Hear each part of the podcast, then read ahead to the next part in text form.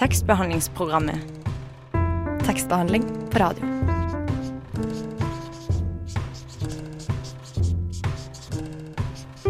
Tekstbehandlingsprogrammet.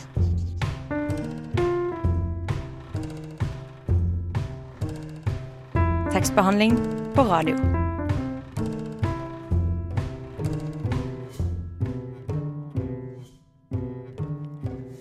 Velkommen til tekstbehandlingsprogrammet denne onsdagsmorgenen. Jeg heter Guro Flårening, og i dag skal jeg bare sette på et opptak for dere.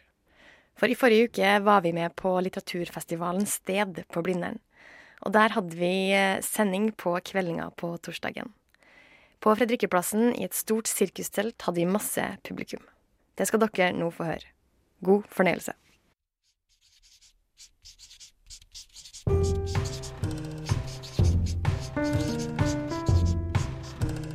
Tekstbehandlingsprogrammet. Tekstbehandling på radio.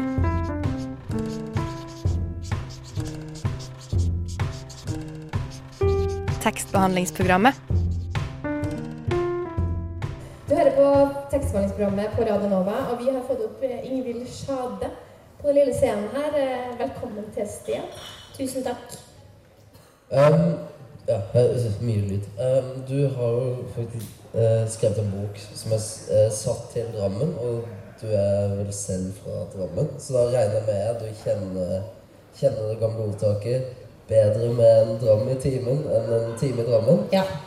Um, hvis du måtte velge mellom en dram i timen eller en time i Drammen, hva ville du gått for? Eh, En time i Drammen. Jeg er veldig glad i Drammen. Mm. Ja. Hva er det som er så fint med, med Drammen? Eh, det er en eh, ekte by. Ekte norsk by. Eh, med alt mulig rart. Det Ja, det er en eh, jovial by. Mm. ja. Nå virker det som boka di kanskje bare, bare handler om, eh, om Drammen. Eh, kan du fortelle eh, til lytterne og publikum her hva, hva det Drammens rekordbok egentlig handler om? Den handler om en eh, gruppe litt spesielle mennesker som tror de er eh, verdens midtpunkt. Um, og det kunne foregått hvor som helst, men fordi at jeg er fra Drammen, så er de plassert der, eh, rett og slett. Mm. Eh, fordi jeg kjenner stedet. Men hva, hva er det her rare menneskene gjør? Hva, de, hva som gjør at det blir en bok? Eh, de har eh, Ja, de er ekskludert eh, fra veldig mye fordi de er veldig spesielle.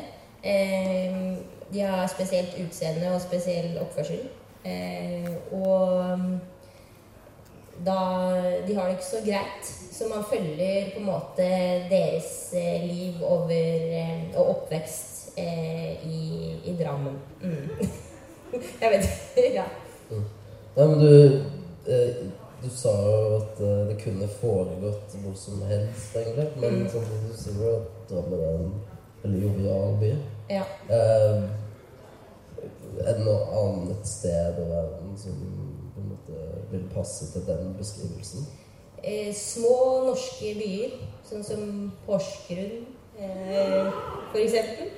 Eh, hvor det er eh, litt vanskelig Man blir veldig synlig hvis man er annerledes. Eh, og de syns jo, og de har mange som ser på seg. Eh, og ja, Så det kunne foregått overalt. Men det jeg har sett i ettertid, er at Eh, Drammen har jo lenge hatt eh, et mindreverdighetskompleks, og det har jo også disse karakterene, så kanskje det ja, passer likevel. Mm. Det var kanskje der det ordtaket også kom Eller det er vel mer en sånn Oslo-forakt for Drammen, tror jeg. Ja. Eh, er det noe man føler mye på hvis man Eh, Jo, det, var, mm, det er mange drammensere som skammer seg, særlig når de er på hyttene sine i Vestfold. Da sier de at de er fra Oslo. Eh, og så er det noen da, som, har, som tør å stå for at de er eh, drammensere, som sier stolt at de er fra Drammen. Og ja, det gjør jeg og de karakterene her ja, i den Ja, boken. og da skal jeg spørre om de karakterene her. Eh, men eh, kan, du, kan du du skal også lese opp litt fra, fra boka di Mm. eh, etterpå. Eh, men hva er det eksempel eh, Reidar. Ja. Kan du, kan du fortelle litt om karakteren Reidar? Eh, Reidar har vokst opp på en bilkirkegård eh, med en mor som løper etter en bekjetting, som har levd Eller har fått et røft utgangspunkt eh, her i livet. Eh, og så har han levd på gata eh, inntil han begynner å eh, ja, eh, skrive med dritt på alle speilene i Drammen. På alle offentlige toaletter. Og hvor han oppdager at han er eh, skrivekunstner. Og så mm, begynner han å eh, studere på Drammens beste skriveskole. Hvor han egentlig Jeg tror han eh, innser at han eh, ikke er god nok. Eh, og da blir han sinne, og ut fra det sinnet nei, eh, og ut fra det sinnet så skaper han fravær i rom som handler om han selv eh, eh, over mange år hvor han satt og befølte sin egen knease. Som blir en 600 siders lang roman.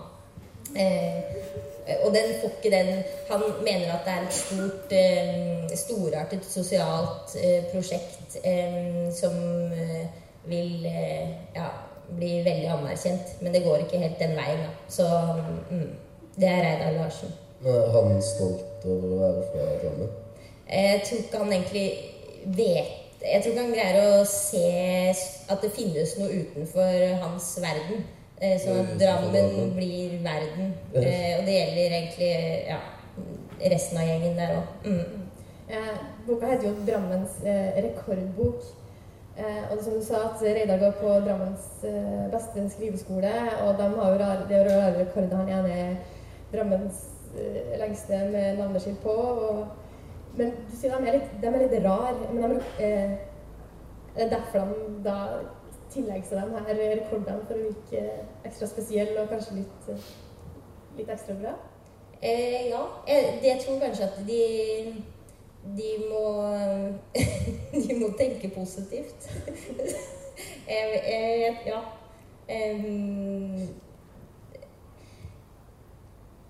Eh, det var vanskelig å svare på, men jeg har hatt et svar på det før. Ja. Men, men de her rekordene, du, du viser det også ved fine tegninger. Eller, ja, eh, der det står på en måte, der bildet av karakteren, og så står det rekorden. da. Mm. Eh, Hvorfor har du gjort det sånn? da? Det er en litt intens eh, tekst. Eh, en bok som er litt utmattende å lese, tror jeg. Det er ja, litt, og litt kronglete, og det er mye feil. Og jeg tror, det, jeg tror ikke det er behagelig Det kan gå fort, men jeg tror ikke det er så veldig behagelig. Bra Så jeg tenkte at de tegningene skal være være en slags pause som man kan hvile blikk på. Pluss at jeg tror, eller min tanke, det kan man tolke som man vil, men jeg tenker at det er han eh, Glenn, han med boblejakke som ikke sier noen ting, med sånn caps med eh, eh, tekst som er eh, eh, I know what your kids are looking at. Eh, en litt sånn taus type som har skrevet denne boka, og at det er han som har illustrert med sånn sinna penn. Ja. Hardt og detaljert og ja. Mm. Ja. Um. Men det uh, går over til noen skikkelig gladgutter fra Drammen, derimot. det var akkurat det jeg skulle til å si. Eh, vi har ikke spurt uh, musikksjefen i Radnova om vi fikk lov. Eh, vi tenker at det er bedre det er ikke lettere å få tilgivelse enn tillatelse. Eh, så derfor skal vi høre eh, et eh, band fra Drammen, altså Doggybboy. Her får du Stereo Live.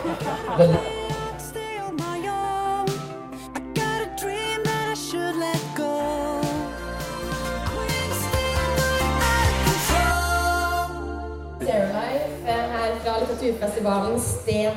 Du hører fortsatt på Radio Nova. Eh, og vi har fortsatt eh, besøk av Ingvild Sjade. Eh, før låta her snakka vi om boka di 'Drammens rekordbok', som foregår da i Drammen. Eh, og du skal nå lese litt for oss. Eh, hva du skal lese, Ingrid. Eh, Jeg skal lese om eh, Reidar, som vi snakka om i stad. Han er, har skrivesperre og sitter oppe i hybelen sin, og så hører han at det er noen som spiller panfløyte utafor, og det forstyrrer han veldig. Så dette blir litt ropete. Reidar stusser over at det er bare han i hele Drammen som henger over fryseren med hestehalen ut av hybelvinduet. Torunn, hvorfor er ikke du i hovedstaden og studerer, studerer spesped? spør han. Hun svarer ikke. Hun bare sitter på asfalten med ryggen mot konteineren og spiller. Hun spiller på fløyta med øya lukka. Reidar roper at hun gjerne må fortsette å spille så lenge det ikke er på fløyta. Han har flere forslag til hva annet enn fløyte hun kan spille på. Han roper orgel, harpe, cello, banjo, men trefløyter hører ikke til i denne bakgården. Han roper fele, tromme, tromp og saks, men trefløyter vil han ikke ha i øra. Han roper fiolin og hasj og bark, men Torunn bare fortsetter å spille på fløyta. Han roper at han har ei søster som kanskje har lyst til å sole seg der Torunn nå sitter. Han roper at Torunn kan pirke og pelle på skjørtet, skrøvet, kløfta, røtta og heller den og spille på fløyta. Så hvorfor roper han? Så hvorfor svarer han meg ikke? Hvorfor fortsetter å sitte der og spille der? Han roper at han får ordsperrere. Ordsperre er ei pine som ingen som har erfart en pina kan forestille seg. Han roper at han kommer på noe verre, nemlig oppveksten på Bilkirkegården Mjøndalen og mora hans som tvang ham til å lytte til nesehåret hennes fra dagen han ble født og fram til dagen han ble myndig. Han roper at nesehåra til mora lød som panfløyter, og at han dyssa i søvn og boret støvsugeren inn i tinningen hans.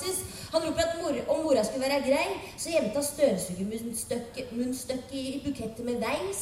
Blåveis, rødveis, svartveis, for så å riste munnstykket fri for blomster og skyte med munnstykket til det lukta krutt. Og mora sang som faen gjennom borda, hun sang som faen, og munnstykket smalt som faen gjennom huet. Reidar Helkvitt stemmen, hever stemmen for det neste ropet og roper høyere enn aldri før. Det er helsefarlig å sitte der og spille der, og konteineren gir fra seg farlige avgasser. I konteineren Folk hiver all verdens dritt i den konteineren. Folk hiver batterier, lightere, kattehaler. Han roper fisk og kjøtt og snørr og møkk, og at det i hvert fall må bruke munnbind når man skal sitte. Han roper at med munnbind er det umulig å spille på panfløyte. Han roper at med munnbind er mennesker best. Da slutter vi å puste som faen, snakke som faen, synge som faen, spille som faen, fiske som faen, skrive som faen og kalle det noe. Han roper at apropos fisking, så kommer tante hans fra nord. Han roper at i nord blir jeg til æ, og æ, roper han, er en lyd som alle mennesker, uavhengig av språk, bruker for å uttrykke frykt, vemmelse og sorg. Han roper at all verdens mennesker til syvende og sist ender i nord. Og æ, roper han, og innrømmer at det bor en nordlending i han sjøl, det bor en nordlending i han sjøl, og nordlending i, han sjøl gaper stadig fram lyden av æ. Lange, gapende æ-er for fryktens skyld, for vemmelsens skyld, for avskyens skyld. Og når den er i det følsomste hjørnet, gaper den fram skjelvende æ, lange, skjelvende æ. En sjelden gang, men sjeldne ganger kommer oftere og oftere. En sjelden gang identifiserer han seg med livets gravalvor, peker på seg sjøl og sier æ og æ, roper han og lover at han aldri mer skal skrive noe tull. Aldri mer. Han roper at han aldri kommer til å tilgi skrivekurset fra innbilten at skjønnhet kan være gøy. Om han en dag skal, skal tørke flir av litteraturfløkka i Drammen, skal han bare fortelle at tante hans i sin ungdomstid skrev så høyt at, i nord at lunga grodde fast til strupen. Han roper at hun har flimmerhår på tungebåndet, og det han roper nå, det skal han faen meg skrive ned, for det hørtes jævlig litterært ut. Han roper at respirasjonsorganet til tante aldri har vært mer ute å kjøre enn nå. Han roper at han har så mye empati at han får astma av å tenke på ham. Og tanta har opptil flere ganger vært nødt til å oppsøke legevakta for å fjerne dødt lungevev fra strupen med spatel. Glem spatelen, roper han før han, før han roper at han har prøvd alt. Amfetamin, hasj, ketamin, lim. Men av alt så var det bare én ting jeg ble avhengig av. Krykker! Han roper at han velger krykker framfor stol. Men han har ikke noe grann tru på fri vilje. Han roper at folk flest må tro hva de vil, men vilje er ikke fri. Han roper at noen, han roper at noen mekanismer inn får lyst på kaffe, og mens han henter kaffekoppen fra kaffehylla over kaffetrakteren, roper han at han bare skal hente kaffekoppen fra kaffehylla over kaffetrakteren. Og da han er tilbake, roper han at når man har fri vilje eller ei, så smaker det alltid godt med ekte traktekaffe. Han roper 'Hvorfor er det så hvit plutselig, Torunn?' 'Det er så hvit at alt rundt deg og den panfløyta di er svart.' 'Du er så hvit at det eneste som mangler her, er noe rødt.' Og tenk om du bare kunne blø blod istedenfor å spille. Og tenk om du bare kunne stramma panna til noe hardt. Og tenk om du bare kunne presse luft fra hjernen og ned i ansiktet. Og tenk om du bare kunne presse luft fra hjernen og ned i ansiktet til det lyder et lite knekk, og blod som strømmer blir til flekker og striper på klærne dine. Veit du at jeg alltid kler meg i hvitt? Torunn svarer ikke. Hun bare vrir på fløyta, spiller mer og mer, og han roper og roper at det finnes faktisk verre tortur enn panfløyter. Han roper at han har litt av hvert å sette panfløyta opp imot. Eh, blant annet mora hans som barberte den og smørte den inn med matolje for at den skulle bli fresig på bilkirkegården en sommerdag på 70-tallet. Han roper at når overhuden preller av en unge, en unge i sola, drepes alt av ungens påståtte uskyld. Og hva i helvete er det godt for? Han roper at han må tenke seg om, og når han har tenkt seg om, roper han, roper han at det eneste han tenker på nå, er bikkjer. Bikkjer! Bikkjer snuser deg i skrittet så du blir tvinget til å skritte bakover. Og neste gang skal han la være å skritte. Han, skal, han roper at den, skal bli skal bli stående, skyte fram hoftene og vri underlivet inn i kjeften på bikkja. Og apropos bikkjer, han har ei søster som bjeffer, eller breker. Nå ligger hun stort sett stille i vasken eller på sofaen, men han kan huske den dagen hun breka, om hun, og om hun skulle skrive ned orda hun breka, om hun skulle skrive ned orda hun breka dagen etter at hadde, at det hadde gnagd av seg alle jeksla. Han skulle skrive ned brekinga på nynorsk, for hun breka som en sau. Søstera breka som en sau. 'Eg lev, eg lev, eg er ikkje dau'. Reidar roper med søsteras sutrestemme. 'Eg lev, eg lev, eg er ikkje dau'. Og så roper han at det kommet på noen nye ord, gitt. Desinfiserende ord, gitt. Fiolfarga foldeskjørt, klor og flisespikk. Og når det kommer til ord, så har Gud gitt en god smak. Så roper han plutselig at kaffen smaker tå. Han roper at flere tå blir tær, og alle tæra får han inn i det poetiske hjørnet. Han roper at dikt, dikt er som musikk og munnstykker. Dikt, Torunn. Dikt skal som musikk og munnstykker røske og riste i stykker indre landskap til det lukter krutt.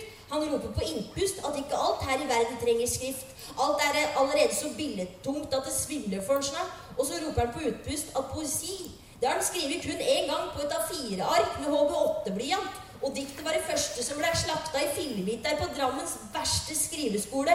Og diktet skal han bruke som tittel på novella han har skrevet om hjertet. Og dikten kan han utenat i dag, ja. Og diktet lyder som følger. Lys levende døde danser med all verdens vekt på tynne striper. Og det er vel ved ordet striper at det går opp for han at han roper. Og det er vel ved ordet striper at han slutter å rope. Og det er vel ved ordet striper han får skikkelig øyekontakt med Torunn der nede på plassen. Og det er vel ved ordet striper den innadvendte spilledama endelig slutter å spille på fløyta.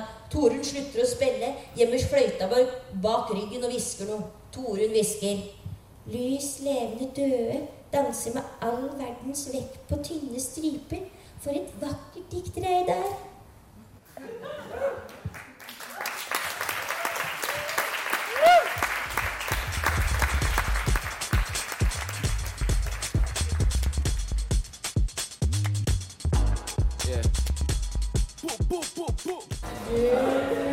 På tekstbehandlingsprogrammet. Eh, og der fikk du den kanadiske DJ-en Aminé med La Dance. Hvis du nettopp skrudde på FM 99,3, kan jeg fortelle deg at du også faktisk deltar på Kulturfestivalen Sted. Eh, for det er her vi sender fra i kveld på Fredrikkeplassen på eh, Blindern. Kjapt, du leste jo med bravur opp eh, nettopp noe fra eh, Buremålet. Um, jeg, lurte veldig på veldig på når du har sittet og skrevet dette, skjer det samme tempo, eller hvordan fungerer hodet ditt i, i, det, i skriveprosessen? Um, Er det like Den er skrevet, ja, den er skrevet på natta. Jeg, Jeg hørte sånn Eller jeg hørte det ikke, men eh, jeg, jeg, jeg tenkte Han ropte, han ropte, han ropte. Og så eh, til slutt sto jeg opp og skrev det. Mm. Og så mm, Jeg tror jeg Skrev du akkurat det her på natta, eller skrev du hele boka på natta? Nei, mye er skrevet på natta. Mm. Det dårlige er skrevet på dagen, og det bra er skrevet Hvorfor tror du eh, hvorfor, føl, ja, hvorfor tror du du skriver bedre om natta? Eh, fordi jeg tror eh, den boka kler å bli skrevet av en som er overtrøtt. Ja. Så jeg, jeg tror, føler at, eh, at jeg mister litt hemninger når jeg ikke har sovet så godt. Mm. Så, men ikke den jeg skriver nå. Skriver jeg eh, klokken åtte om morgenen. Åtte til fire, ja. ja. Mm. Så det blir veldig dårlig roman. nå? da? Ja. Min, eh, ja. Min helt passe. En helt grei. Ja. Det gleder jeg meg uansett. Men når jeg leste, leste boka og jeg leser opp her, så får, man, får jeg jo inntrykk av at det er et litt eh, karikert Drammen eh, vi blir kjent med. Eh, og også da illustrasjonene i boka di. Um, hvor, hvor likt er det her Eller er Drammen i Drammens rekordbok og Drammen som du vokste vokst opp i? Em, det, er, det er ikke så veldig likt, men jeg har, sitt, jeg har bussen mellom Svelvik og Drammen. Der har jeg hørt mye rart. og Det er, ja. Ok, For oss som ikke er fra regionen De fins, disse menneskene. Ja. Eh, og jeg føler meg Jeg føler at jeg identifiserer meg med dem eh, kanskje mer enn med andre. Så jeg syns at disse er veldig virkelige, da. Men for å på, eh, eh, tilbake til Drammen. For å påstå enda mer at dette er sant, og da hjelper det å ha, ha et sted som man ja, påstår at det har skjedd, da. Eller at det skjer på. Mm. Ja, For du er inspirert av ting du da hører på bussen, og som Ja. mm. skjer i Det er jo masse karakterer i Oslo òg, på um, Ja. Og det er fint. Det er eh, fargerikt og bra. Men kanskje ikke hele byen kjenner til det? Så- Nei, det, det er kanskje lettere å gjemme seg. Mm. Men eh, mm. Eh, eh, Mesteparten av eh, romanen er jo satt til år 2000, og, og før det da opp mot 2000. Eh, ja, du er ikke noe sosialantropolog eller noe, men eh, hvordan, skille, hvordan er på den Drammen du har skrevet om, eh, og i dag? Det har jo skjedd en liten forandring, har det ikke? Jo, Drammen har blitt eh, veldig pussa opp. Og blitt en eh, streit eh, by. Og dette handler om Drammen før den ble strigla. Mm. Og med striglinga og karakterene også? Nei, men jeg tror det er vanskeligere. Og hvor alt handler om fasade, så tror jeg det er at de skjuler seg mer. Um, jeg har jo sett noen av dem eh, fortsatt, men eh, Ja, jeg vet ikke. Den, jeg syns jeg, jeg, lik, jeg liker, likte den eh, eh, mer ujålete byen. Men vi har, fortsatt, vi har det fortsatt i sjela. Men, ja. Mm. Så ikke et negativt ord om Drammen. Ja. Um, mot, mot slutten av romanen at uh, Reidar um, skriver om at han alltid hatt en så voldsom skrivekløe, og at idet han fikk liksom utløst det, så åpnet Drammen seg for ham. Uh, har du på en måte Har du også blitt, blitt bedre kjent med, med Drammen gjennom å skrive om uh, hjembyen din? Ja. Nei Eller tolker jeg Reidar Men jeg, han Nei, du tolker han riktig. Han er, vi er ganske like. Men eh, eh, jeg har ikke hatt noe behov det behovet som han har. da. Ikke på den måten. Men det er kanskje Ja. Man har eh, sikkert eh, eh, lyst til å Til å synes for noe bra. Men det går jo ikke noe bra for han, da. Eh, ja. Så mm.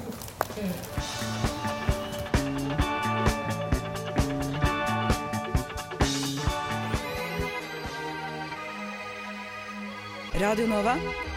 FM 99,3.